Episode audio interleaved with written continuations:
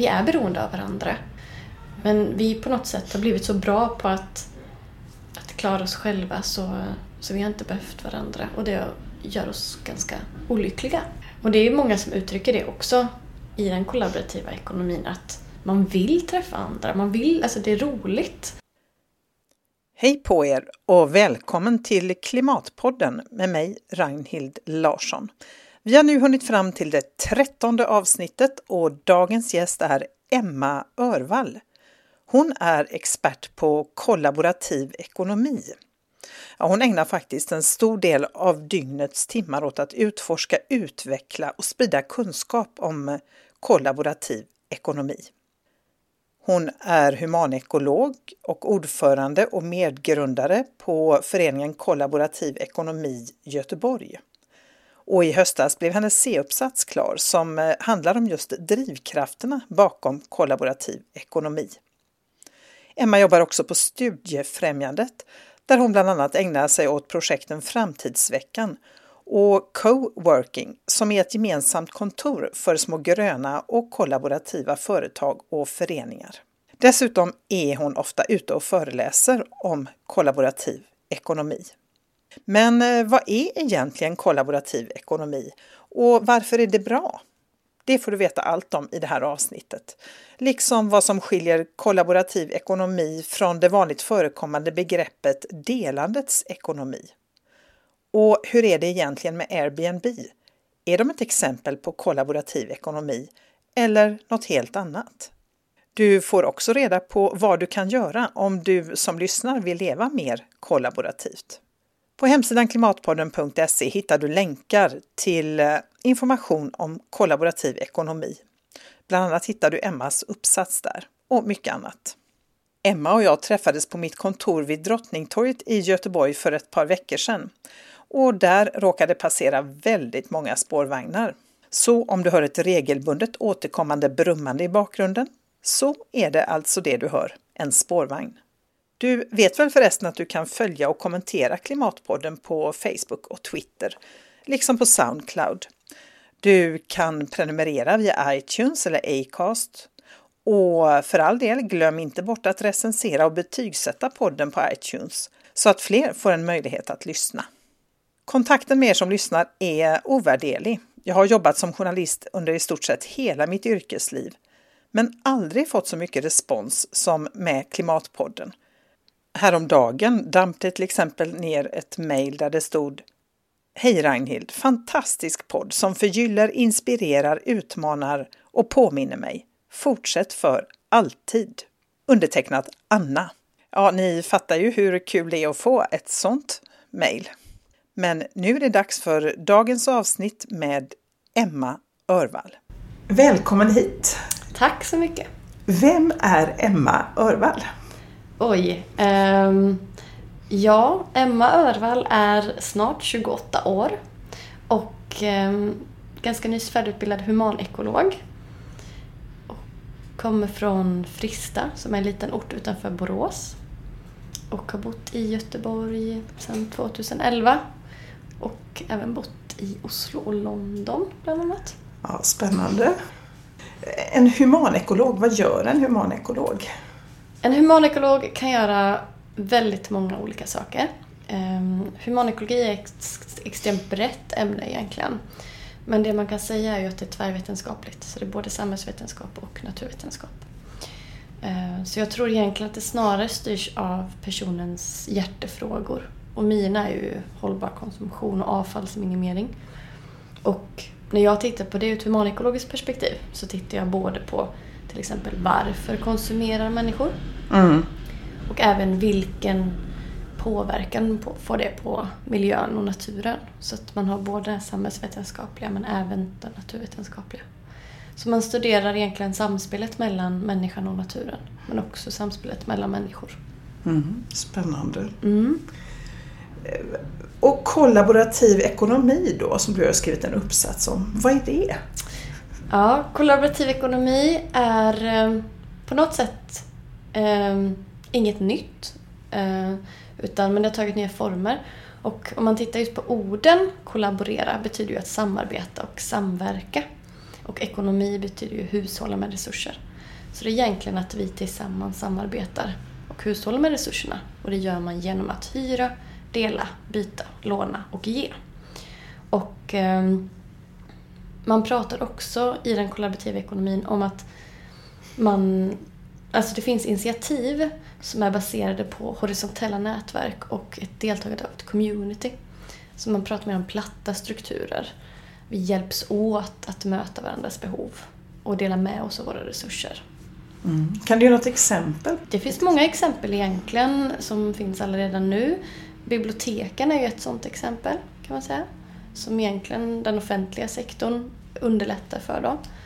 Um, men sen så har du att man kan låna och byta saker med sina grannar och sina vänner. Eller i en verktygspool. Där kan man låna och hyra verktyg istället för att äga till exempel en borrmaskin själv. Just det. Och när, hur kom det sig att du blev intresserad av just kollaborativ ekonomi? När började det? Mm, eh, egentligen började allt med min utbildning. Eh, under de åren så fick jag ju väldigt mycket kunskap om läget i världen, om hur miljön mår. Så då fick jag ganska mycket klimatångest. Och det gjorde att jag började titta mycket på lösningar. Så det började med att jag engagerade mig i CradleNet som är ett eh, nätverk i Sverige som vill främja cirkulär ekonomi. Och så var jag medlem i den lokala gruppen då här i Göteborg. Och det var runt 2011 tror jag. Och 2013 så, kom, så såg jag ett eh, TED-talk med Benita Matowska som eh, pratade om sharing economy. Och då kände jag att då hittade jag någonting som jag saknade lite i den cirkulära ekonomin, just den här mänskliga faktorn. Så, de mm. mjuka värdena, att vi kan hjälpas åt. Och, och det var där, ja det var det TED-talket egentligen. Då blev jag jätteintresserad och så insåg jag att ja, men det är det här jag vill skriva min C-uppsats om och så mm. vill jag lära mig mer om det. Mm. Så det är skillnaden mellan, för jag tror ganska många, eller fler har hört talas om cirkulär ekonomi än kollaborativ ekonomi. Eller i alla fall jag. Mm. Men är, finns det fler skillnader? Eller vad är... Alltså de går ihop i varandra. Mm. Egentligen kanske det inte är så viktigt att så här, det här är det och det är det. Utan man vill åt samma håll.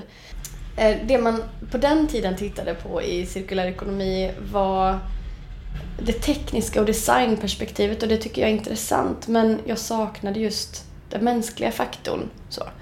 Eh, och det tyckte jag jag hittade i den kollaborativa ekonomin så att de kompletterar varandra egentligen. Mm. Så jag är fortfarande väldigt intresserad av cirkulär ekonomi och, och ser att... Mm. Ja, det är inga motsättningar som Nej, du säger. precis. Utan mm. de kompletterar varandra. Du har skrivit en C-uppsats om kollaborativ ekonomi. Vad var det du ville ha svar på i uppsatsen? Eh, jag vill kolla på drivkrafterna egentligen. Alltså det jag såg, jag började skriva min C-uppsats 2013 och det var fortfarande väldigt nytt. Det var inte så många som hade hört talas om kollaborativ ekonomi i Sverige. Inte kollaborativ konsumtion heller, som jag mer inriktade uppsatsen på då. Och det jag ville veta var varför händer det här just nu? Vad är både de mänskliga drivkrafterna för individen men också på ett makroperspektiv i samhället, globalt. Så det var det jag ville egentligen titta på. Varför växer det här fenomenet och varför händer det just nu? Ja, just det. Vad fick du för svar då? Eh, jag eh, gjorde ju så att jag intervjuade fem personer, djupintervjuer i Göteborg. Så att det blir ju väldigt Eh, om man tittar på de individerna, det är, det är väldigt olika kan man säga beroende på individen, vilken motivation som finns bakom. Men det jag såg var att många upplevde att kollaborativ konsumtion är ett sätt att konsumera mer miljövänligt, mer hållbart. Samtidigt som att ja, de upplevde att det var roligt. Man fick träffa människor och ja, man kände sig nyttig. Liksom på makroperspektiv, alltså globalt sett, så är det ju egentligen fyra drivkrafter som man kan se mer tydligt. Och det är ju såklart internet har ju underlättat och främjat den här utvecklingen. Vi har ju alltid delat och bytt och lånat med varandra. Mm. Men vi har inte gjort det i så stora nätverk som vi gör idag. Idag kan jag göra det med någon på andra sidan jorden. Innan gjorde man det kanske med sin granne eller sina vänner eller i den byn man bodde. Så det är egentligen främst internet och smartphone då och så har vi också den ekologiska medvetenheten. Fler människor är ju medvetna om att resurserna håller på att sina. Mm. Vilket gör att Vi behöver nyttja resurserna mer effektivt och mer smartare. Och det är fler som vill leva mer hållbart. Eh, och de andra två drivkrafterna är att fler människor önskar ett, ett sammanhang, man önskar gemenskap. Vi har eh, levt ganska länge i individualismen om man tittar just ur västvärldens perspektiv. Och i städerna så är det lätt att bli anonym vilket gör att fler människor, man vill hitta sin grupp med eh, andra som likasinnade som delar intressen och efterfrågar samma saker, tjänster eller prylar eller så. Så det är också det som gör att vi vill komma närmare varandra. Ehm, ja, och det man också kan se är ju att vi har länge varit passiva konsumenter. Den typen av konsumtion som finns idag är att man har en väldigt passiv roll. Men det är fler, man vill vara deltagare, man vill, liksom vara, man vill vara med och skapa någonting, skapa ett värde. Mm. Så man vill hellre vara en aktiv deltagare då. Och så har vi den sista, men det, det råder lite skilda meningar om den och det är den ekonomiska krisen. Och framförallt så kan man väl se att vissa länder har den varit en större drivkraft i. Så de som har drabbat värst egentligen av den ekonomiska krisen. Airbnb är ju ett sådant exempel. Att man i USA, många människor kunde inte bo kvar i sina bostäder efter den ekonomiska krisen och då försökte man hitta lösningar på det. Mm. Så ja, Airbnb sprung liksom från den eh, krisen. Men i Sverige så har vi ju inte, vi drabbades ju inte på samma sätt. Så. Um, men ja, alltså det är många som ser de här ekonomiska fördelarna med kollaborativ ekonomi också.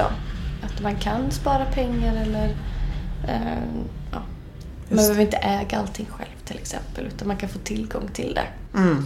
Men globalt så kan man se att förtroendet har ju minskat för storbanker och storföretag på grund av den ekonomiska krisen. Och det gör också att vi litar mer på varandra. Just det. Mm. Men Airbnb, är det ett exempel skulle du säga på kollaborativ ekonomi? Jag skulle säga att den har kollaborativa delar. För vissa delar skulle jag inte beskriva som kollaborativ ekonomi. Vad är det som inte är kollaborativt i det då? Um, alltså tjänsten underlättar ju för att man faktiskt också kan köpa upp lägenheter mm. och hyra ut dem. Just det, ha det som ren business. Ja, liksom. Det är precis. inte ens hemmen man hyr ut utan det är, Nej. man skaffar det i syfte att hyra ut det. Liksom. Mm. Mm gå med ekonomisk vinst egentligen. Ja, just det. Alltså, och då är det oftast för bara en person och istället så kanske lägenheterna står tomma i perioder vilket gör att människor inte kan flytta in i dem. Så i samhället, för samhället i stort så gynnar ju inte det eh, många människor utan det kanske bara gynnar den personen som äger resursen då. Eh, så det ser inte jag som något som är kollaborativt. Nej. Eh, utan du snarare... För kollaborativ ekonomi grundar sig lite i en tanke av att man fördelar resurserna mer jämlikt. Mm. Och det exemplet gör ju inte det. Nej. Det är snarare att du, det är någon som har kapital som får mer kapital. Precis. Egentligen. Jo, jag vet, jag bodde i någon sån Airbnb i Paris. Jag insåg att den här killen hade ju fyra lägenheter mitt i Paris. Den ena mm. mer stylad än den andra. Han bodde ju inte i någon av dem. Det var mm. ganska uppenbart. Mm. Och det är också en liksom, risk med det för att då liknar man mer ett hotell. Mm. Och då börjar man också konkurrera med de hotellen som faktiskt finns. Eh, så det, det, det, finns såklart vissa risker med det men de kollaborativa delarna anser jag ju snarare när man bor hemma hos någon. Så man lär känna lokalbefolkningen, man, pengarna som man använder går faktiskt till de som bor i området. Man kanske äter på restauranger runt omkring och, och rör sig i områden som man faktiskt inte hade sett annars. Nej, det är sant. Mm. Så det är ju det här med att o, alltså, nyttja outnyttjad kapacitet. Man kanske har ett, ett rum som man kan hyra ut eller mm. sådär. Mm. Och sen pratar man om sån här eh, vad heter det, om delandets ekonomi och sådär. Vad är det och på vilket sätt skiljer det sig eller hänger det ihop med kollaborativ ekonomi? Mm. Delandets ekonomi är ju ett ganska populärt begrepp som används mycket, både i media och även nu i politiken. Men vi i den kollaborativa rörelsen brukar oftast inte ställa oss bakom det begreppet för att det gör det väldigt diffust och eh, det är ingen riktigt som vet vad man syftar på när Nej. man säger delens ekonomi.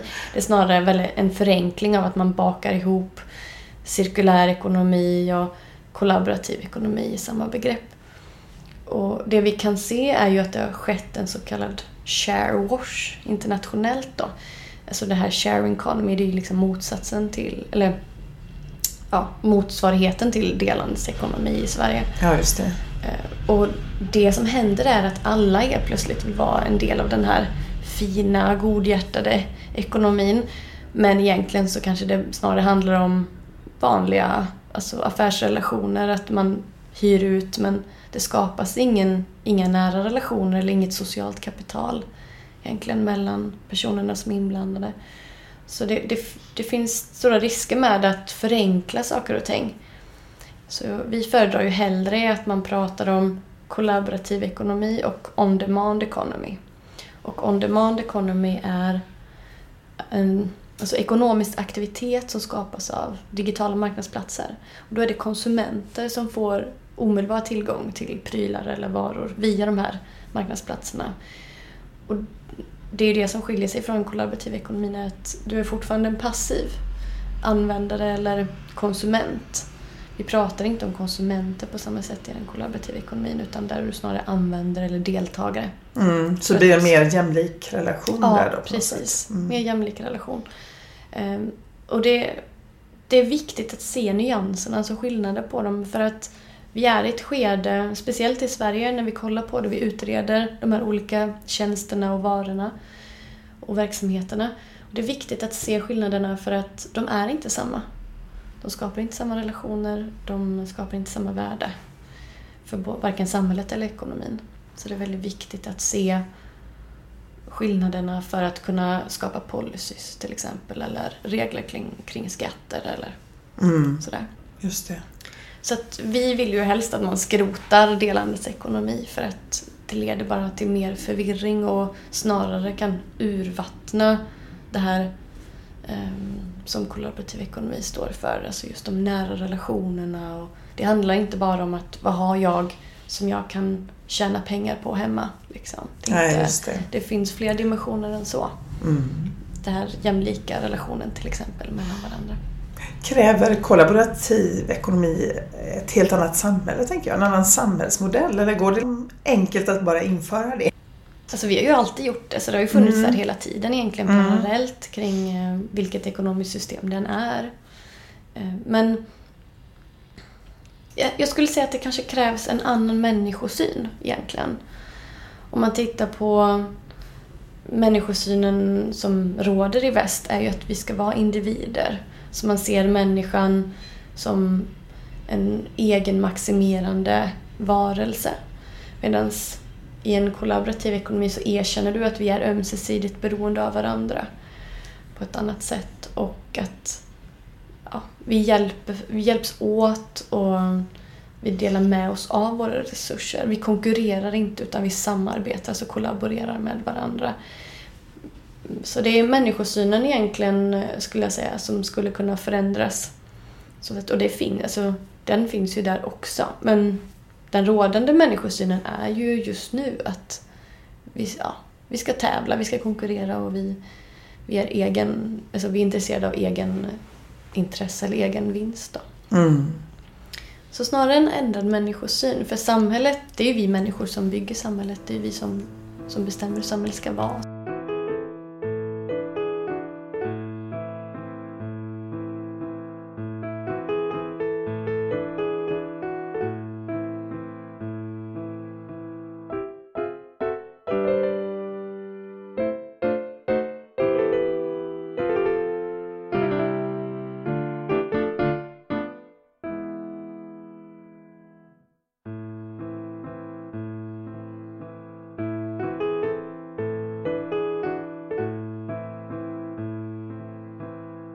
Hur långt skulle du säga att alltså införandet av någon sorts kollaborativ ekonomi har kommit? Alltså var befinner vi oss idag? Globalt eh, tycker jag att den har kommit långt. Det började ju framförallt i USA och även i vissa länder i Europa. Spanien och Frankrike och Italien och så. Men även eh, ja, Seoul till exempel, eller Sydkorea. Ja, just det. Och, eh, men i Sverige så vi har alltid haft det i vår tradition, i vår kultur. Alltså vi har tvättstugor, vi har studiecirklar, vi har biblioteken. Mm. Så det är, en, det är en stark del i vårat, uh, vår identitet egentligen. Mm. Men nu har det ju, jag kan säga förra året egentligen, så tog det ju mer um, fart då. Att man såg vad är det som händer och hur, hur kan det komma fler verksamheter och sådär. Så jag skulle vilja säga att vi har nått en form av tipping point. Alltså när vi har haft en grupp som man kan kalla för early adapters som har varit och med från början och testat alla tjänsterna. Men nu börjar det också nå mainstream på ett annat sätt. Fler människor hör talas om det och, och testar att vara mer kollaborativa. Mm. Alltså vad krävs för att man ska kunna att vi ska kunna få mer kollaborativ ekonomi då på ett alltså, ja, mer övergripande plan? Mm. Det skulle ju krävas dels en del politiska beslut.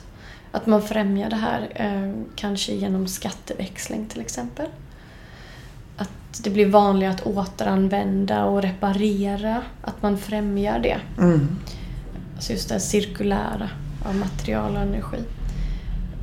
Det skulle krävas att samtidigt att, men det är ju en beteendeförändring egentligen. Alltså, vi går från att vara, vi har länge varit passiva konsumenter. Det är väldigt bekvämt att vara passiv också.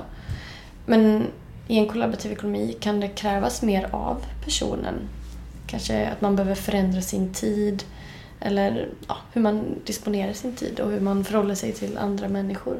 För att man behöver lägga mer tid på detta då helt enkelt? Eller hur? Jag tänker att om, om man till exempel, man är van vid den här passiva relationen, att jag går och köper någonting och så mm. äger jag det sen. Mm. Och så är det där. Vi, vi, kan ta en borrmaskin till exempel. Mm. Men skulle jag börja bli mer kollaborativ så krävs det att eh, jag öppnar upp mig själv. Eh, visar att den här har jag och delar gärna med mig av mm. den. Eller lånar ut den till min granne. Och det gör att jag måste också närma mig andra personer. Och det tar lite mer tid. Eh, men man får också någonting tillbaka. Och det kan vara både ekonomiska fördelar att man, om man väljer att hyra ut någonting. Men det kan också vara att man lär känna dem som är i ens närområde. Eller, eh, och just det här med miljö.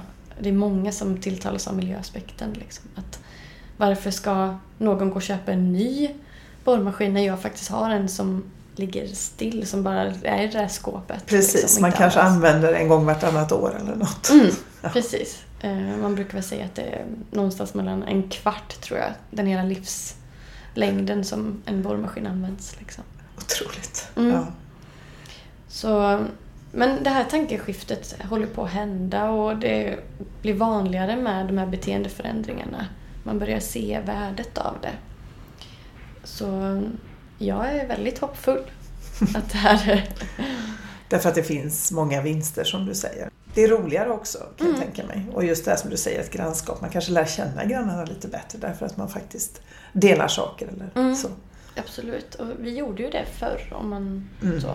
Men vi, vi kunde bli så självständiga. Vi har ett system som, som sköter mycket åt oss. Så vi har inte behövt, om man tittar just på Sverige då, vi har inte behövt att hjälpas åt.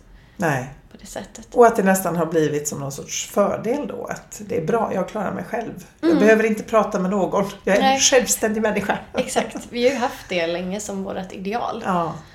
Men samtidigt så ser vi ju att fler människor, vi, vi är väl ganska ensamma till exempel. Ja precis. Erik, jag tänker på Erik Gandinis film nu, mm. Eh, som jag inte själv har sett ännu. Men... Jag såg den ja. och jag tyckte det var, eh, den går man kan ha många tankar kring den men det var väldigt tydligt just det här med självständigheten. Ja. Att människan är inte, vi är beroende av varandra. Ja. Men vi på något sätt har blivit så bra på att, att klara oss själva så, så vi har inte behövt varandra och det gör oss ganska olyckliga. Mm. Och det är många som uttrycker det också i den kollaborativa ekonomin att man vill träffa andra, man vill, alltså det är roligt. Så om man har någonting att mötas kring, det är inte alltid så lätt till exempel. Jag själv bor i ett studenthus och vi är lika gamla ungefär och vi har vi studerar ju så vi har ju någonting gemensamt. Men vi pratar inte med varandra. Det finns inga liksom, gemensamma utrymmen. Det är, ja, man kanske säger hej på sin höjd. Men eh, så. Ja, förutsättningarna finns inte riktigt då. Alltså, man bygger inte de här, det har jag tänkt på också med många äldre människor. Att man, alla hyreshus borde, ja det spelar ingen roll om man är äldre men det blir mer påtagligt därför man kanske inte kommer ut i ett, man är inte ute och jobbar och sådär. Mm. Men att alla hus borde egentligen ha just de här gemensamma ytorna mm. där man skulle kunna göra saker ihop. En snickarverkstad eller ett kök eller ja. Ja exakt. Och det ser man också att det är fler som tar in det i stadsplaneringen mm. och i arkitekturen. Så jag tror framöver att det kommer bli vanligare och vanligare att man planerar in det igen. Mm. Um, för att man märker att det är någonting som människor behöver helt enkelt. Man önskar det igen. Så. Mm. Men det är väldigt intressant där du nämner att just hur man planerar. För att man tittar på våra lägenheter idag till exempel så är det så mycket öppna planlösningar. Vilket förhindrar att man faktiskt kan dela en bostad om man vill samtidigt ha lite eget space. Då. Det är färre och större rum. Mm. Eh, så ja, det är också liksom strukturer och de fysiska förutsättningarna som, som kan underlätta eller faktiskt förhindra att, att vara mer kollaborativ. Mm. Men jag har många dialoger med både arkitektur, arkitektbyråer och även staden som vill planera in det här. Mm. Jo, det måste ju vara en vinst för dem också för då tänker man ju så att det lönar sig i andra ändar så att säga. Mm. Precis. Alltså vilka fler utmaningar finns det då mot att införa? Man tycker att det här låter ju jättebra. Varför gör vi det inte bara? Varför är det inte allting kollaborativt? Mm. Överallt hela tiden. Um, ja, varför är det inte kollaborativt? Men som sagt så tror jag det handlar mycket om det här inre beteendet. Många kan uppleva att det finns risker med att vara kollaborativ. Men oftast så är inte det i likhet med de verkliga riskerna. Att man tänker att om jag lånar ut den då kanske den går sönder eller någon kanske tar den ifrån mig och så. Alltså det finns också mycket så psykologiska mekanismer också um, som kan hindra det. Men vi som har varit kollaborativa i några år nu och i rörelsen så upplever man ju att många gånger så är inte riskerna detsamma som de verkliga riskerna. Så att man föreställer sig? Ja, man är mm. kanske mer rädd för att det ska hända än att det faktiskt är verkligt. Alltså det händer inte. Så det är väldigt ovanligt i alla fall. Mm. Um, alltså jag tror att mycket handlar om in, alltså inre omställning på något sätt. Men också strukturer. Det är ju... Ja. Eh, finns ju många intressen som, som kan tycka att eh, den kollaborativa ekonomin hotar deras liksom, intressen. Ehm. De som säljer borrmaskiner. Ja, till exempel. Eh, jag vet hotell har ju varit väldigt mycket emot de här tjänsterna man kan hyra och, och dela och låna ut sitt boende och så. Så att det, det finns många som, som också ja, kan tycka att kollaborativ ekonomi kan vara ett hot för dem. Mm. Så, men jag tänker att alla förändringar, allting tar tid. Liksom. Så vi är ju på väg mot ett annat samhälle och en annan ekonomi. Och sen är det ju vi som bestämmer hur, hur det ska se ut. Liksom, vi, alla vi tillsammans. Ja, just det. hur, alltså skulle du säga att det är fler yngre människor som är intresserade av detta eller är det blandat? Ni har en förening här i Göteborg också mm. som heter Kollaborativ Ekonomi, Ekonomi Göteborg. Göteborg. Just det. Ja, eh, jag skulle säga att det är fler eh, den yngre generationen det är väl den generationen som jag själv tillhör egentligen. Man brukar kalla den för generation millennium och vi är födda mellan 80 till 2000. Mm. Och det är ju främst för att vi är uppväxta med internet. Alltså vi är uppväxta med viss deltagarkultur. Vi har alltid delat med oss av eh, ja, men, foton och kunskap och så. Så det är väldigt naturligt för oss att dela med oss av prylar. Eh, eller tjänster i, i offline-världen om man ska kalla det så. Men alltså, de äldre när jag pratar, när jag är ute och föreläser eller på olika event och så. Det här är inget konstigt. Alla fattar med en gång. Det här är ingenting nytt. Man har alltid gjort det här. Ja, just det. Så. För att vi har den här traditionen faktiskt ja, av att göra det. Mm. Exakt. Och den äldre generationen speciellt, som, alltså där min, mina mor och farföräldrar till exempel. De levde ju under en tid av knapphet, vilket då var det av nöd. Men idag gör vi det ju inte av nöd på samma sätt utan vi gör det ja, men för att vi tycker att det är smartare, det är roligare och eh, mm. Mm. Hur, hur, ser din kollaborativa vardag ut? Det kan vara allt från att eh, jag delar med mig mina verktyg till mina grannar till exempel. Eller att jag samåker. Om jag åker och reser så bor jag oftast med eh, Airbnb eller några andra sådana tjänster. För jag tycker att det är roligare helt mm. enkelt.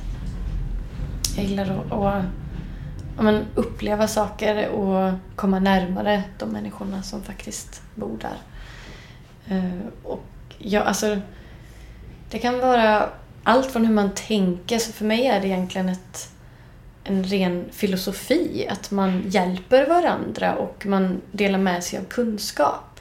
Det kan vara att man säger men det där kan jag, jag kan hjälpa dig med det. Eller jag vet någon som kan det där. Alltså, det handlar om att jag har vissa resurser, jag har en viss kapacitet.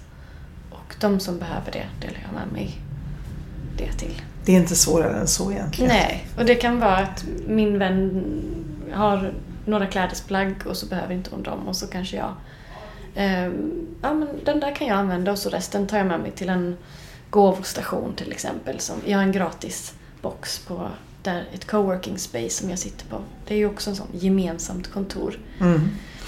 Um, så det ja, allt, det är mycket som genomsyrar det i mitt liv så jag tänker inte alltid på det längre för nu är det en så pass del av mitt liv. Det är självklart. Ja, så det, det är så här, nu när jag pratar om det så kommer jag på det. Ja, men ett co mitt coworking space som jag sitter på där till exempel. Men alltså vad utmärker det från ett, eh, ja, som det här kontoret där vi är några stycken som delar då? Vad, mm. vad är det som skiljer det? Eller det vet jag inte riktigt Nej. vilken kultur ni har här Nej. men ett coworking space är ju egentligen att man är ett starkt community. Alltså man är en grupp människor som delar någonting. Det kan vara att man jobbar inom samma bransch eller man har samma intressen eller på det coworking spacet som jag sitter så har vi en gemensam värdegrund och det är att vi alla arbetar för en hållbar omställning. Så det kan vara att det är någon som syr, någon jobbar med radio och ljud och jag sitter där främst med föreningen, eh, vårt arbete. Så det är egentligen att det är ett gemensamt kontor. Det är inte att du är passiv och hyr en kontorsplats och inte interagerar med de andra. Utan att det förväntas av det att vi, vi, man kan dela med sig av idéer och kontakter och kunskap och så. Och samtidigt som du delar alltså just fysisk yta. Man delar kontorsutrustning eller... Så att man har inte varsitt på det sättet. Utan, Nej. Ja, men det, det är så olika vad man vill ha och vad man behöver. Men det är väl det. Deltagandet egentligen. Just det. Jo, men vi försöker alltid säga att vi är inget kontorshotell. Alltså, det Nej, är inte precis. så att man flyttar in och så får man allt serverat. Allt ifrån receptionist till inköp av kaffe och så Det får vi liksom lösa gemensamt. Mm. Och så ibland samarbeta. Mm. Föreningen eh, här i Göteborg, eh, när startade den? För där var du med och drog igång. Ja, det stämmer. Eh, den startade egentligen i och med delningsdagen och det var jag och Jonathan Mattebo Persson som träffades på eh, ett event eh, som några, det var en, en träff egentligen om Global Sharing Week Day var det då på den tiden. Det är inte så länge sedan som det låter nu. Det här var 2014 och ehm, Bert-Ola Bergstrand heter han som jobbar mycket med socialt kapital och social innovation och så. Som, det var en träff helt enkelt för människor som var intresserade av det här och då hade jag ju precis eh, kommit i kontakt med det här ämnet och då träffade jag flera olika personer. Och jag och Jonathan vi började prata och så insåg vi att men det här är jättespännande. Vi skulle vilja göra någonting på den här Global Sharing Day, att vi eh, anordnar ett event där man undersöker egentligen kollaborativ ekonomi lite närmare och vad är det här och vi kan bjuda in talare och så. Så då anordnar vi ett event som vi kallar för delningsdagen och bjöd in våra vänner egentligen som kan eh, om de här olika ämnena. Mm. Och då insåg vi att ja, men, vi är jättemånga, vi är liksom 70 pers här eller något sånt där. Och vi är flera som är intresserade av det här och vi vill skapa någon form av plattform. Så vi skapade en Facebookgrupp. Och där började vi ha olika samtal och så insåg vi att men om vi ska jobba med det här, om vi verkligen vill liksom få någon effekt, så behöver vi organisera oss. Och då tänkte vi att det är bäst att göra det som en ideell förening. Så då blev vi ideell förening lite senare då. Men vi brukar väl säga att ja, sammansättningen av de här människorna och nätverket har ju funnits i ett och ett halvt år ungefär. Mm. Och vad gör ni? Vi gör massor av olika saker. Um, dels har vi ju en karta, som, uh, en helt öppen karta, som vi vill att andra ska vara med och skapa med oss. Och det är egentligen en karta över de olika kollaborativa verksamheterna i Göteborg. Klädoteken och gratisbutikerna och verktygspooler och bilpooler och sådär. För det är ett sätt för oss också att synliggöra den här rörelsen och de här verksamheterna. Det. För det fanns inget innan. Vi visste att det fanns massa olika men det fanns ingen gemensam plattform eller som man faktiskt uh, kunde se Mm. allihopa. Så det, det är en, en sak, vår karta. Sen så jobbar vi en del med kommunen också. Det kan vara att man anordnar event tillsammans med dem. Ehm, Vi, vi har precis skrivit ett mejl till kommunstyrelsen tillsammans med andra organisationer där vi bjuder in till samtal och dialog. För vi tycker det är väldigt intressant att veta hur, vad tycker de olika partierna? Vad, vad ser de fördelar och nackdelar och så. Så att egentligen det handlar om att vi vill påverka, vi vill ju främja den kollaborativa ekonomin i staden. Så att vi startar inga verksamheter, vi startar inte ett klädotek eller ett coworking space utan vi snarare underlättar för de här aktörerna Ja, och det. underlättar för utvecklingen då. Och så kan det även vara att jag kanske föreläser eller håller någon workshop och så. Mm. Så att olika projekt, event, samarbeten.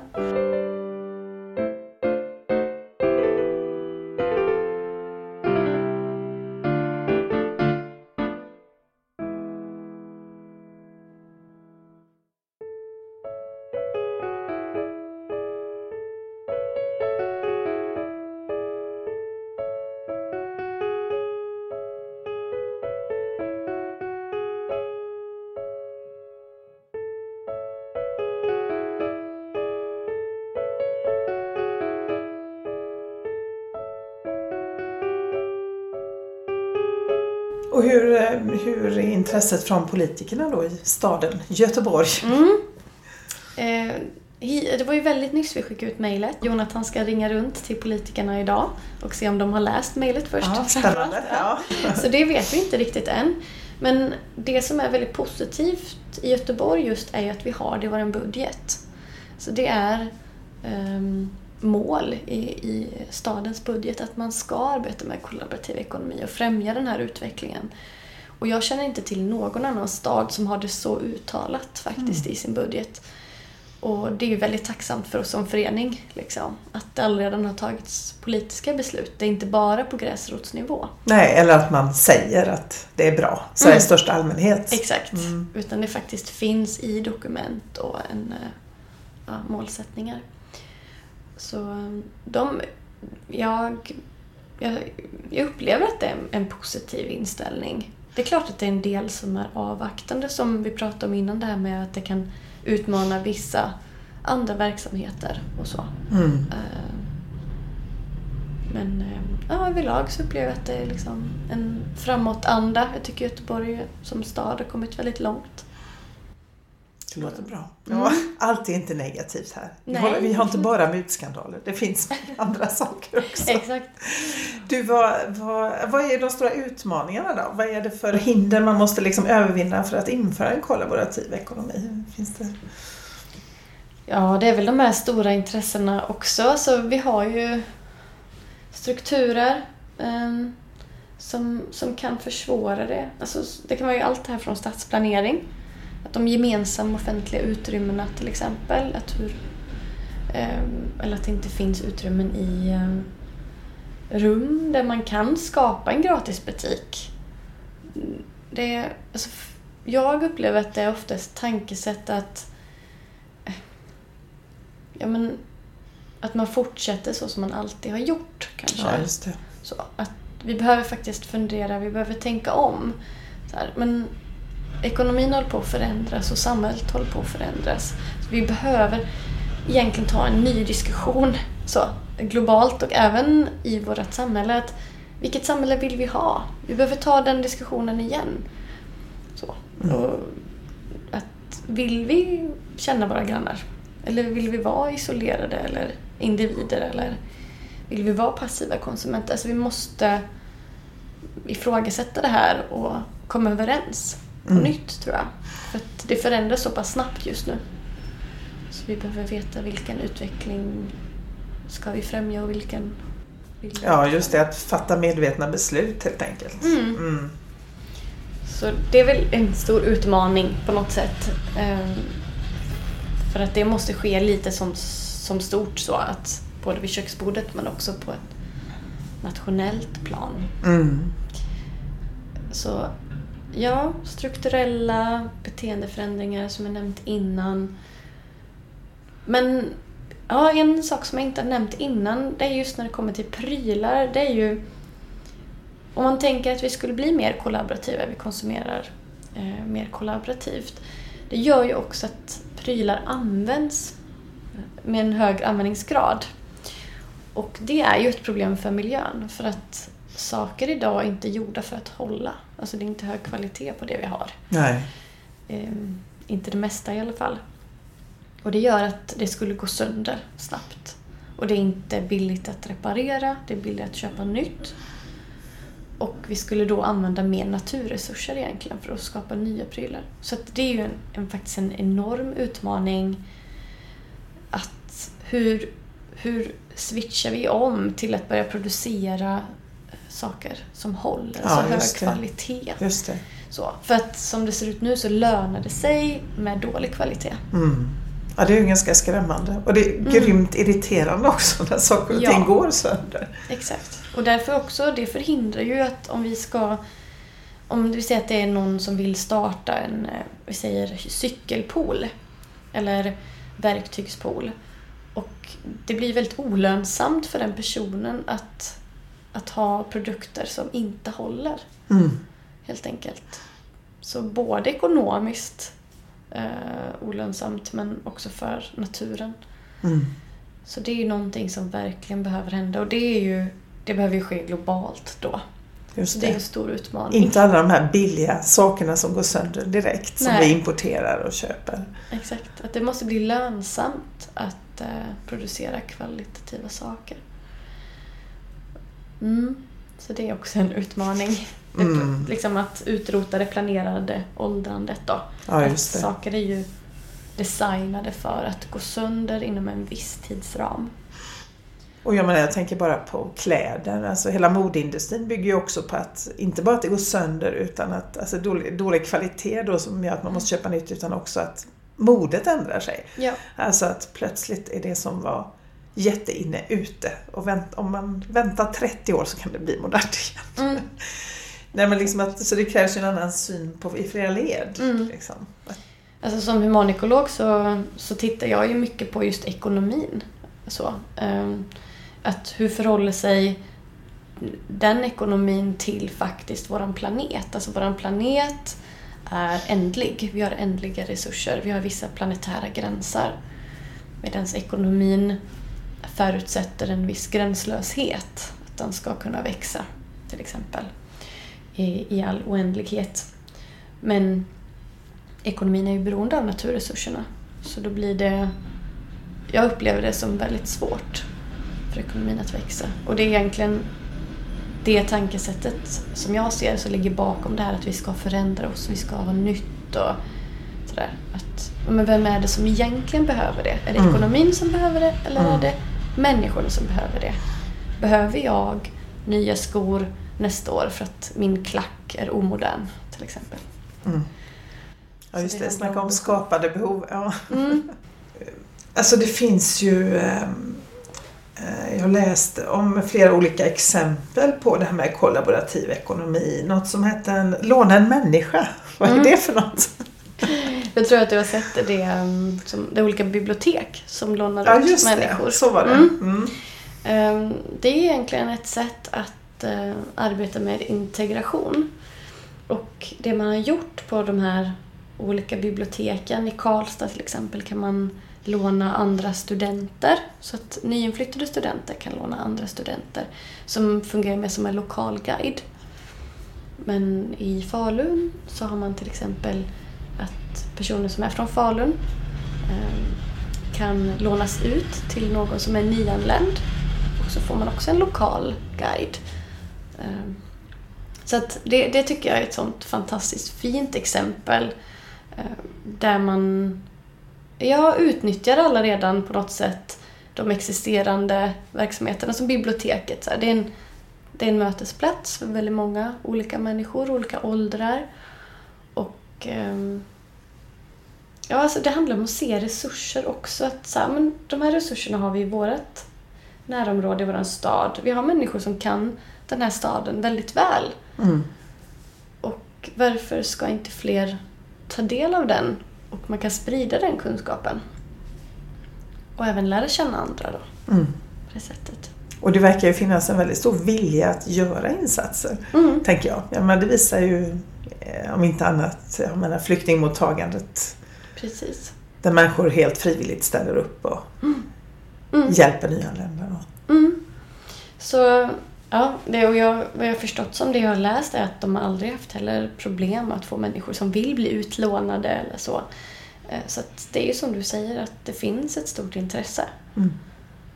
Och det är ju inte så att man blir rik på det. Det är inte liksom Nej. materiellt, materiell rikedom. Nej, exakt. Utan det känns bra att göra något som har mening kanske.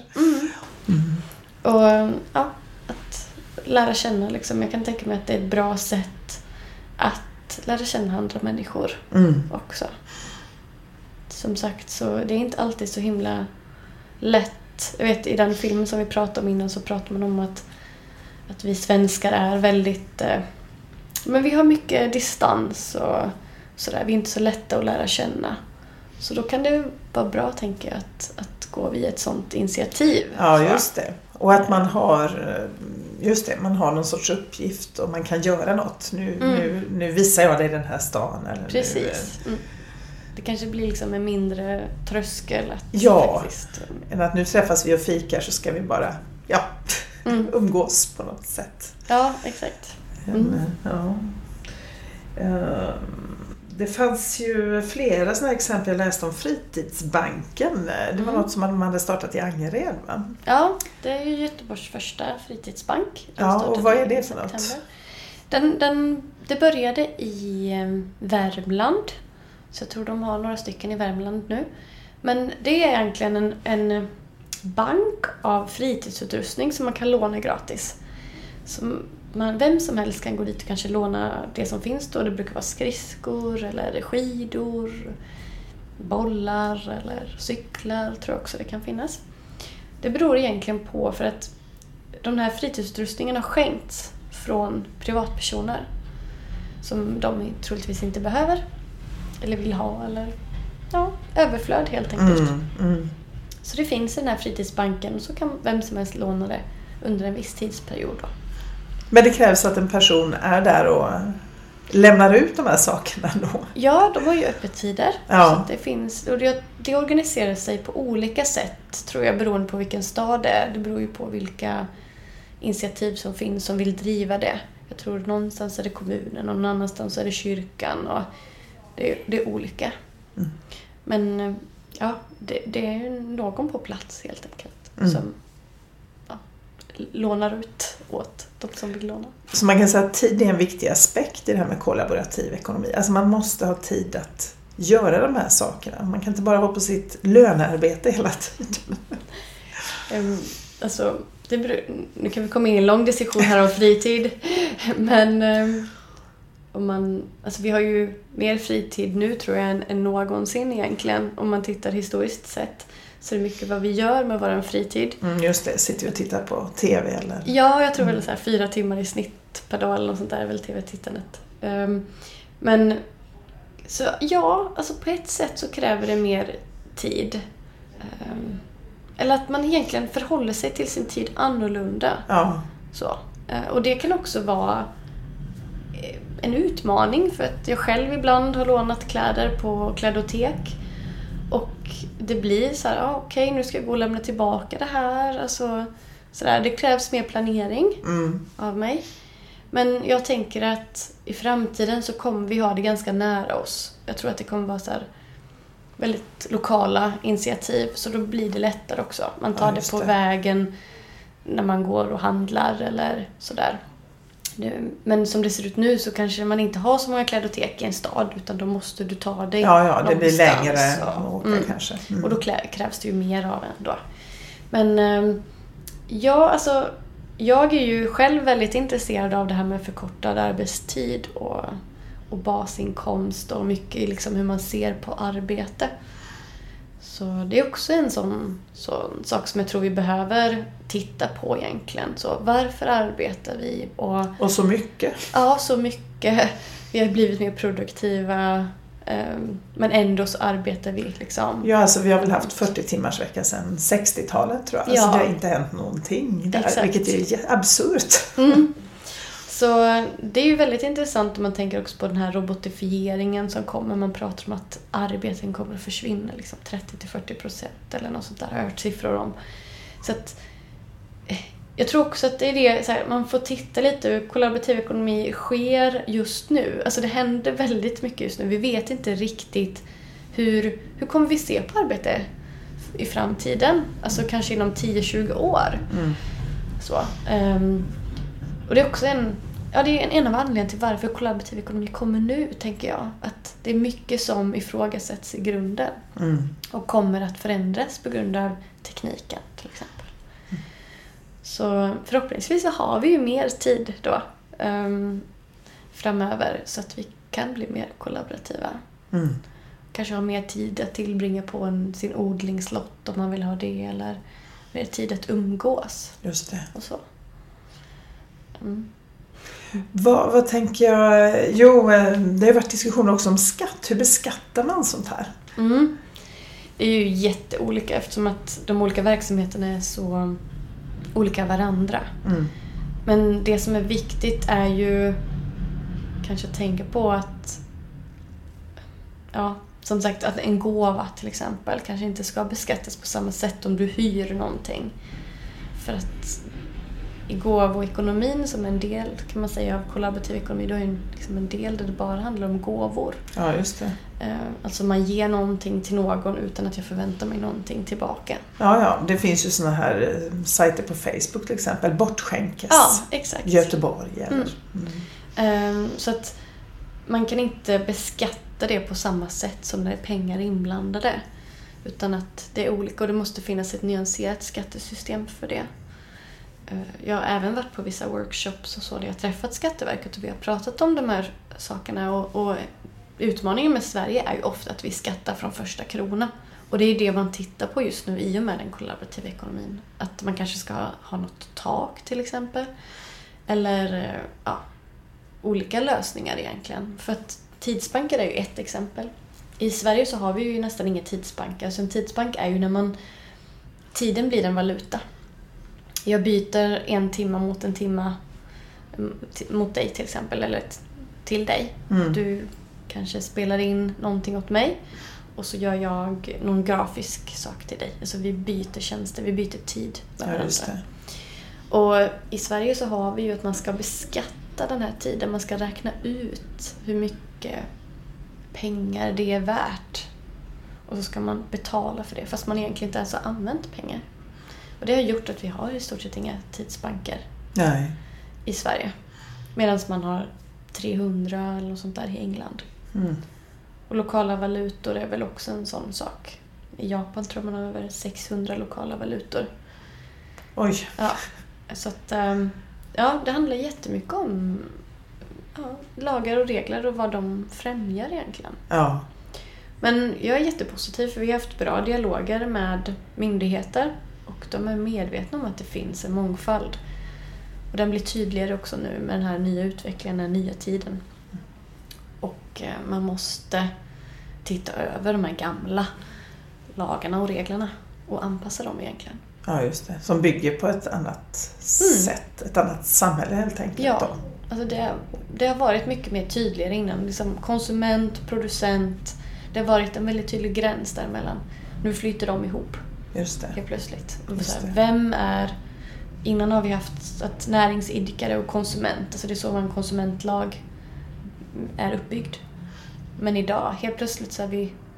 Vad är vi då om, om du och jag skulle börja byta eller låna och, och dela och hyra mellan varandra? Mm. Hur klassificerar man det? Mm. Så det tvingar ju dem att titta på de här definitionerna igen och de här olika rollerna. De har förändrats.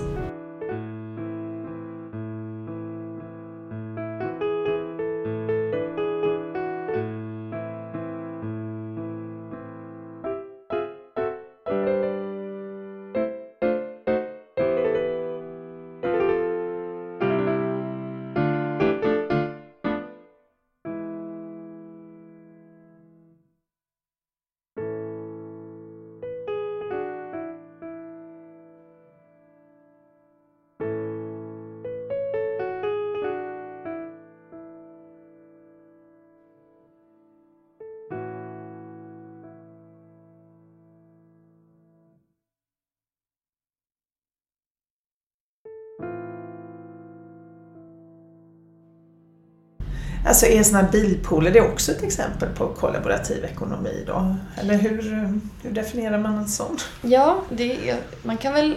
Det, är, det kan vara knepigt. Alltså, vi har inte heller alla svaren ännu, för att det händer så pass mycket.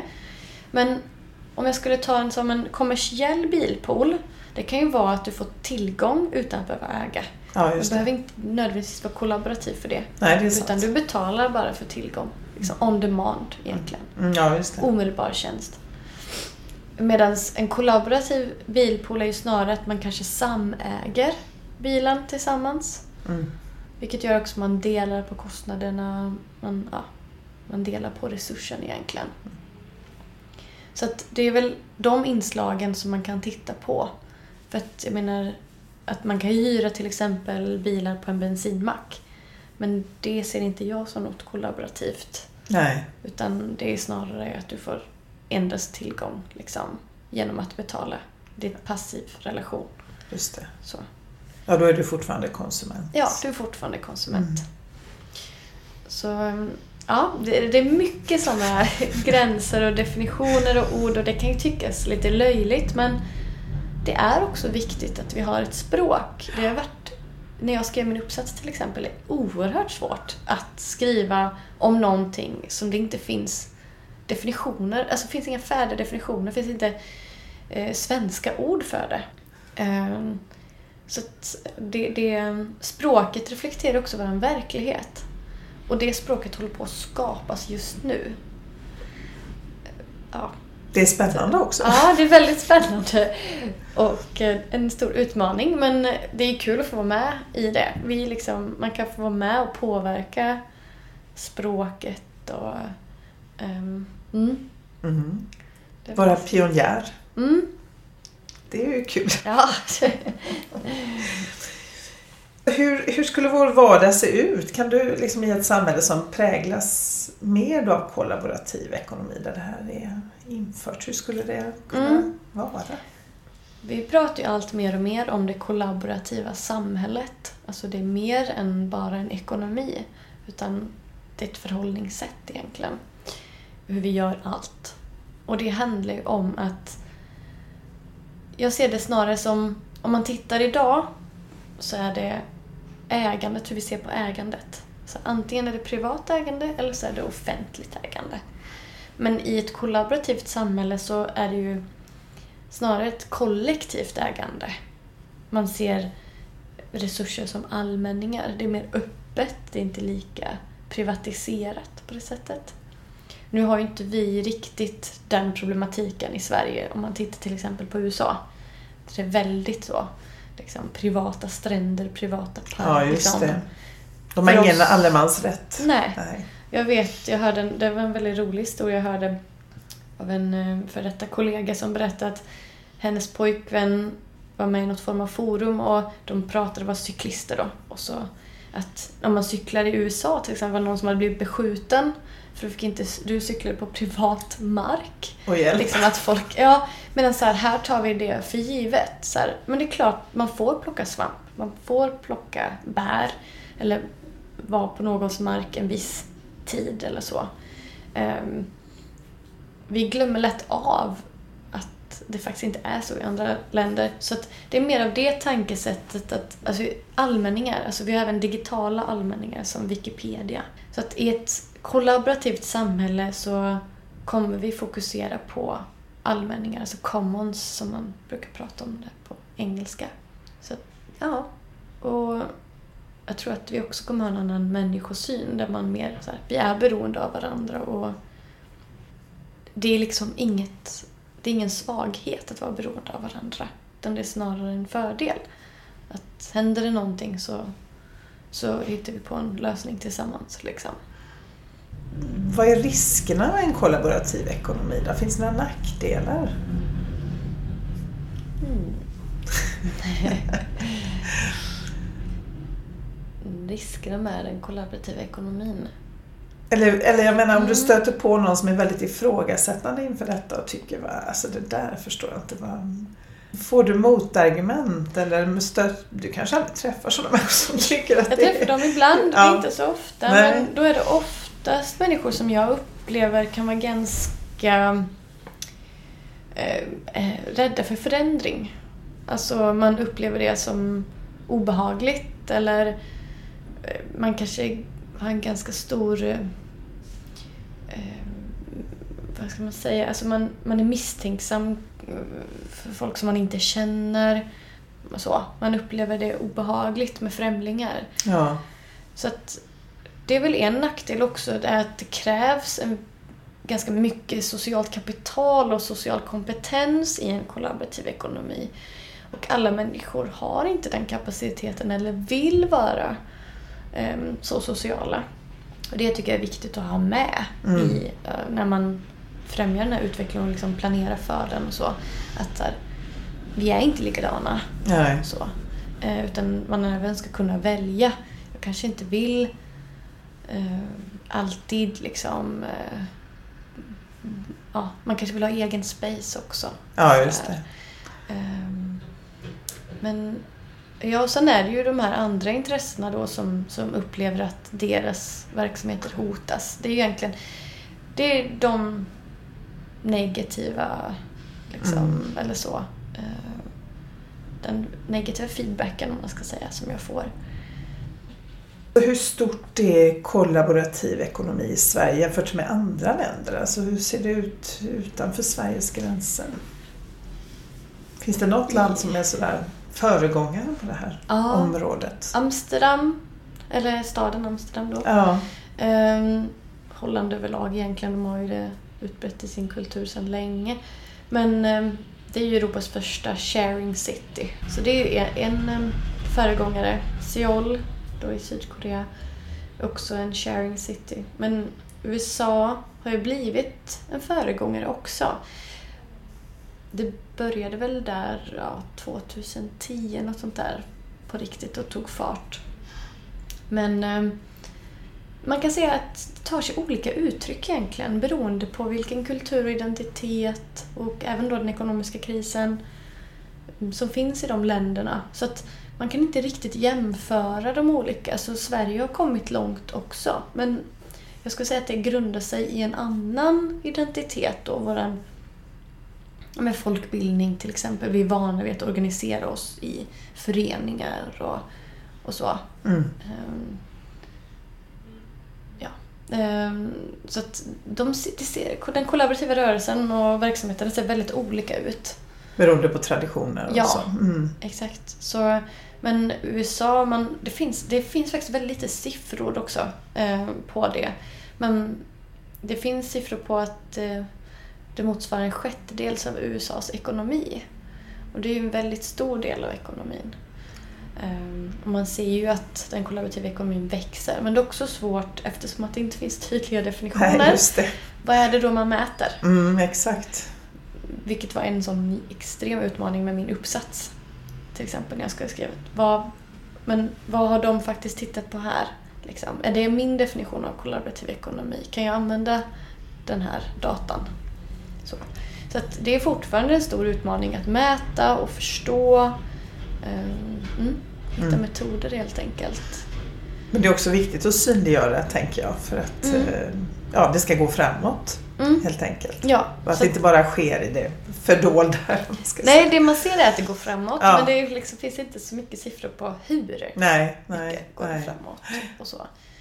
Men jag tror att det är på gång. Det finns flera ställen nu i Sverige som forskar på det också. Mm. Eh, Och desto mer liksom, vanligt det blir, desto mer intressant blir det ju för andra att titta på. Så det kommer komma siffror ganska snart framöver tror jag. Mm. Vad, hur märks det i Holland att det är en sharing city, alltså i Amsterdam? Hur märks det? Alltså, vad är det som gör Amsterdam Det speciellt? de har gjort är att de har bildat ett form av råd där både näringslivet, alltså privat sektor, offentlig sektor och den eh, ideella sektorn samarbetar. Så egentligen att man tillsammans har ett mål, en vision. Så. Ehm, även med politiker också. Mm. Så att, eh, jag har ju inte varit där än. Min tanke är att jag ska åka till Amsterdam i, i vår förhoppningsvis och då kunna besöka eh, de här organisationerna och verksamheterna och prata och förstå lite mer liksom att hur, hur har ni gjort här och ja, hur arbetar ni och så. Mm. Mm. så att, mm, jag tänker att det är också en naturlig del av, av Holland på något sätt. Ja, varför det? Varför har det blivit så just där tror du? Ehm, ja, men de har ju länge haft en ekologisk medvetenhet och eh, ja, eh, också pionjärer inom cirkulär ekonomi till exempel. Så det, det liksom går hand i hand. Jag tänker att det var ganska naturligt att, att det hände där. Liksom Mm. först att de blev Europas första sharing city. Så. Mm. Men även Seoul då, sa du i Sydkorea, så Mm. var det väl lite otippat, eller inget Mm. jag hade gissat i alla fall. Nej. Så hur kommer det sig? Det jag har förstått det som är att de, eh, de har haft mycket utmaningar så de ser det som en lösning egentligen. Alltså Ja. en hållbarhetslösning så här, både på social ekonomi och ekologisk lösning. Ehm, så det är snarare ett sätt att, att få en resilient stad då. För de har haft mycket utmaningar med hög arbetslöshet och ett utbrett prekariat också. Mm, och prekariat, eh, får Ja, du förklara prekar- Ja, lite? prekariat. Prekariat, alltså en prekär situation, det är någon som har en väldigt osäker och otrygg situation. Man pratar om att det är en socioekonomisk grupp av människor, alltså det här prekariatet. Och det är människor som, som delar den här otryggheten och osäkerheten. Förut så var vi anställda, kanske över längre perioder. Vi hade många tryggheter i och med det, så semester och pension och så. Mm. Nu är det fler och fler som frilansar eller man går på korttidskontrakt. Och, ja, det är en väldigt osäker situation Mm. just nu. I, alltså, vi ska vara så flexibla och ja. eh, Och alla ska starta eget. Så. Precis. Ja. Mm. Så, och i, I Sydkorea så har de haft, vad jag har förstått, ett utbrett prekariat också. Så att man ser det som, som alltså kollaborativ ekonomi kan vara en lösning, att man kommer på nya jobb och nya sätt liksom att få en inkomst och så. Mm. Och social trygghet också framförallt. Och jag menar, det är ju i högsta grad aktuellt i Sverige tänker jag Mm. också. Ja. Så att, eh, ja. Du har också vissa farhågor förstår jag när det gäller det här med kollaborativ ekonomi eller som kan liksom stå i vägen för det. Det här med att de eh, ideella krafterna kan slås ut av vinstdrivande företag och, Mm. och sådär. Mm. Eh, det är ju egentligen, alltså, det är mycket på det jag pratade om innan, det här med share wash. Alltså att det kommer in eh, företag till exempel som ser det som snarare ett sätt att fortsätta som vanligt. Man vill egentligen inte förändra någonting utan man vill snarare hoppa på det här och vara en del av det men bara på sitt sätt. Alltså man kanske inte vill öppna upp. Man vill inte ha mer transparens som en väldigt viktig del i den kollaborativa ekonomin. Eller man kanske bara vill ta värde, man vill inte skapa värde. Ja, just det. Ehm, så det är ju en av mina farhågor är ju att istället för att skapa alltså de här nära relationerna och stärka sociala, den sociala tilliten då, alltså mellanmänsklig tilliten mellan människor, att man istället utnyttjar människor. Alltså att man kommer på sätt att tjäna pengar på andras prylar Mm. utan att kanske bistå med tryggheten, säga att individen då får betala för sin försäkring, sin pension. Alltså att alla bördorna på något sätt faller på individen. Och att företaget snarare bara ja, um, på något sätt tar värde då, att inte liksom skapar värde. För att det är egentligen många av de här plattformarna och det som vi ser, de skapar ju inte värde. Utan det är deras användare och deltagare som skapar värdet. Det. Och det är viktigt att se det. Mm. Um, och belöna också de som skapar värdet. Om man egentligen tittar på många av de här ja, men, vad hade Facebook och Instagram varit utan innehållet som vi skapar? Mm. De hade varit en tom plattform. Mm. Liksom. Så att, och det, är, det är jättespännande för man ser att det börjar ske någonting. Fler människor börjar ifrågasätta det här. Så att, så här, men vänta lite nu, jag skapar värde för det här företaget. Som varför, blir jätterika. Ja, ja precis. Mm. Varför får inte... Varför belönas inte jag för det? Liksom? Men hur skulle man belönas? Det kan ju vara att man fördelar vinsten till exempel. Mm. Mm. För det är ju enorma summor pengar som de här största plattformarna eh, drar in. Eh, men att man fördelar det inom en liten grupp då. Kanske inom ägarna av företaget till exempel. Men inte faktiskt de som, som eh, skapar. Bidrar med ja, värdet bidrar. som du säger. Mm. Mm. Så man pratar mycket om det i eh, just det med de här sociala medierna. Det har liksom blivit vanligare och vanligare. Men det man kan se är ju också att det blir vanligt med plattformskooperativ. Att människor går ihop och äger en plattform tillsammans. Vilket gör också att det blir mer demokratiskt och att man fördelar då resurserna mer jämlikt. Vad skulle det kunna vara för plattform? Det kan vara, egentligen alla plattformar som finns kan ju vara ett kooperativ, alltså mm. ägas av, av en grupp människor eller av användarna då. Men det jag vet är väl att det är på väg olika plattformar som mm. det kan vara frilansare som går ihop. Det kan vara någon som jobbar med friskvård och så kan det vara någon annan som jobbar med eh, säger någon coachning till exempel. Men att man, man går ihop och äger plattformen tillsammans. Men man är fortfarande fristående, liksom, man är fortfarande egen. Ja, just det. Uh, så man blir inte ekonomiskt beroende av varandra på det sättet då? Nej. Så att, man kan göra det på många olika sätt egentligen, att samäga organisationen. Så. Så det är en väldigt intressant utveckling. Det har inte kommit så långt i Sverige. Ehm, det är väl på gång snarare i USA. Så. Vi kommer nog få se en del nya plattformskooperativ detta året kan jag tänka mig. Mm. Det spännande. Mm. Du, om man nu lyssnar på detta och liksom tycker det här verkar jättespännande med kollaborativ ekonomi. Vad är ditt råd? Vad ska man göra? Man kan börja väldigt litet, tycker jag. Man behöver inte tänka att åh, jag ska ställa om hela mitt liv med en gång. För att det kan ta lite tid och det finns inte alltid verksamheter heller för det man kanske vill. I Göteborg har vi ingen stor verktygspool till exempel. Så, utan då kanske man får skapa en egen där man bor och så. Men alltså, börja litet. Börja med dina vänner till exempel. Ha en klädbytardag med dem. Du kan... Ehm, eh, jag gör ett Facebook-event, en Facebook-grupp i ditt närområde där man bor på sin skola där man går och byta kurslitteratur med varandra eller vad som helst. Så att man kan göra det från en väldigt, väldigt liten skala till mm. stort om, mm. man, om man vill. då. Så det kan ju vara allt från att flytta till ett kollektivboende eller kollektivhus, eh, sälja bilen och gå med i ett bilkooperativ. Så, um, så att jag tror mycket på just den så successiva förändringen. Att man man kan börja litet och så kan man liksom, liksom upp, uppgradera sig, eller man. Ja, just det. Sådär. Ja. Vad är din drivkraft? Vad är det som gör att du liksom vill hålla på med det här hela tiden? Ja, ehm, det är ju att det är lösningsorienterat. Så. Att, ehm, det grundar sig ju i min ekologiska medvetenhet som jag har. Och även en önskan om ja, mer gemenskap egentligen. Jag eh, är van att bo i ett mindre samhälle, så, där jag är uppväxt. Och där känner man varandra på gott och ont.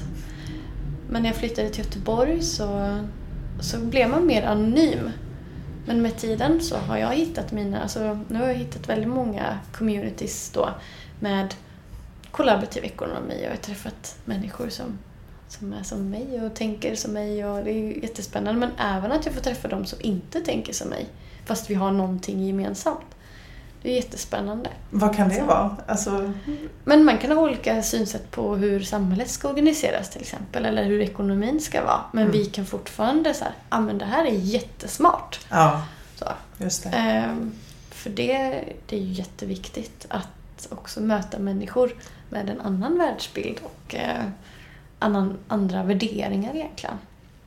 Så det har ju varit min personliga så här, gemenskapen till andra människor och också att det är en lösning då just kring eh, hållbarhet. Liksom. Att, ja, det kan bli bättre. Vi har, det finns lösningar som vi kan börja med imorgon om vi vill. Liksom. Jättebra, tycker jag, tanke inför framtiden. Mm. Tack så jättemycket för att jag fick eh, sitta här och prata med dig en stund om kollaborativ ekonomi. Jättespännande. Tack så mycket för att jag fick komma. Du har lyssnat på Klimatpodden med mig, Ragnhild Larsson. Dagens gäst var Emma Örvall. Du hittar mer information om kollaborativ ekonomi och om podden på hemsidan klimatpodden.se. Vi finns också på Facebook och Twitter. Sök på Klimatpodden så hittar du. Signaturmelodin är skapad av Tommy Kaso och musiken i dagens avsnitt kommer från en grupp som heter Circus Marcus och det är Edvard Grieg, Lyric Pieces Opus nummer 12. Loggan till Klimatpodden är gjord av Hannes Larsson.